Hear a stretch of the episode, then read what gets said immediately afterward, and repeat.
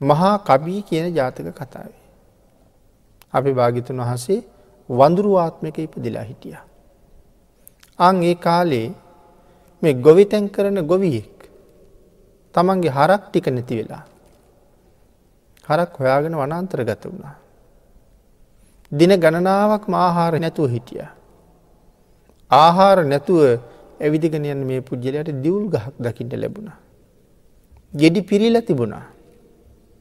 මේ අදින ගණනක් බඩිගින්නේ. කැලෑවට වැදිල මංමුලා වෙලා අතර මං වෙලා. දැන් ගහට නැගලා දියවුල් පල පල කනවා. මෙහෙම කකාඉන්නකොට ගහෙන් වැටුණා. පල්ල ඇති බුණේ අඩි හැතක් විතර තාම ගැඹුරු ප්‍රපාතයක්. මෙ ප්‍රපාතයටම රෝල්ලිලා ගියා. මහබෝසතණන් වහන්සේ වඳුරුකුලේ ඉපදිලා ගස්වල තියෙන ගෙඩිකකා එහාට මෙහාට පැන පැන යන අතර මේ ප්‍රපාතයේ වැටිල ඉන්න අර රහිංසකයව දැක්කා. තමන්ගේ ජීවිතයේ පැත්තක තියල බැහැගෙන බැහැගෙන ගිහිල්ලා අර පුද්ගලයා මොන ක්‍රමෙන් හරි තමන්ගේ වීරියෙන් ගොඩට ගෙනවා.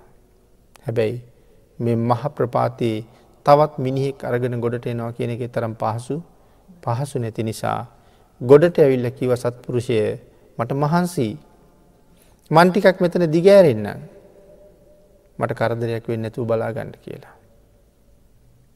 වඳුරු රජ්ජුරුවන්ට නින්ද ගියා. ආරක්ෂාවට කෙනෙක් ඉන්නවනේ තමන්ගෙන් පිහිට ලබාප කෙන. අරමිනි හැකල්පනා කළා මිනිස්සු මුව මස් කනෝ වගේම මිනිස්සු වඳුරු මසුත් කනවා. මේ වඳුර මරාගත්තොත් මසුත් කාලා මගට ඇතිවෙන්ඩත් මස් පාර්ශලයක් හදාගණ්ඩ පුළුවන් කියල හිතලා කළු ගලක් කරගෙන විල්ලා ඔළුවට ගැහුවා. හැබැතින් දින ගණනක්ම නිරාහාර විඳලා පුරුෂයටත් ඒ තරන් ලොකු ශක්තියක් කායික ශක්තියක් තිබුණ නැති නිසා ගල්පාර හරියටම වැදුනෙත් නෑ ඒකෙන් මහලකු හානියක් වුනෙත් නෑ නමුත් සඳහන් කරනවා හිස තුවාල වෙලා ලේ ගලන්ඩ පටන්ගත්ත කියලා. ආං ඒ වෙලාවේ ජීවිතය ආරක්ෂා කර ගැනීම සඳහා ළඟ තියෙන ගහකට පැන්න. ගහකට පැනල මේ වඳුරු රජ්ජුරු මහබෝසතණන් වහන්සේ සඳහන් කරනවා පාපී පුරුෂය ඔබේ කෙරෙහි අල්පමාත්‍ර අකමැත්තක් මංගාව නෑ. කිසිම අකමැත්තකින් මං ඔබට වෛර කරන්නේ දේශ කරන්නේ නෑ. සඳහන් කළා මාහේත්වන් අදම්මට්ට වේදනං කටුකං පුසී. මාහේව පාපකම්මන්තන් පලං වේලුන්ව තං වදී කියලා. ඇයි එහෙම සඳහන් කළේ. එතන සඳහන් කරනවා පෞකාරයේ තොපට මේ පවින් කවදාවත් කටුක වේදනාවක් නොවේවා. ඔබ මේ කෙරීම අපරාධයක්. නමුත් ඒ අපරාධය හේතු කරගෙන ඔබට කටුක වූ වේදනාවන්ට මුණ දෙන්න කවදාවත් ඉඩ නොලැබේවා. ඊළකට සඳහන් කරනවා පලය හුණගස නසන්නක් මෙන් තා කළ මේ පව තා නොනසත්වා. පලය උනගස නසන්නාසී. උනගස්වල මල්පිපුුණහම එතනි පසේ ඒ ගහි කාලේ කාලීවරයි. උග්ගහේ මල්පිපුුණහම එතනි පස්සේ අපි දන්නවා ඒ උග්ගහ වැඩක් නැති භවයක ඊළඟට තිනි මැරලයන්ට.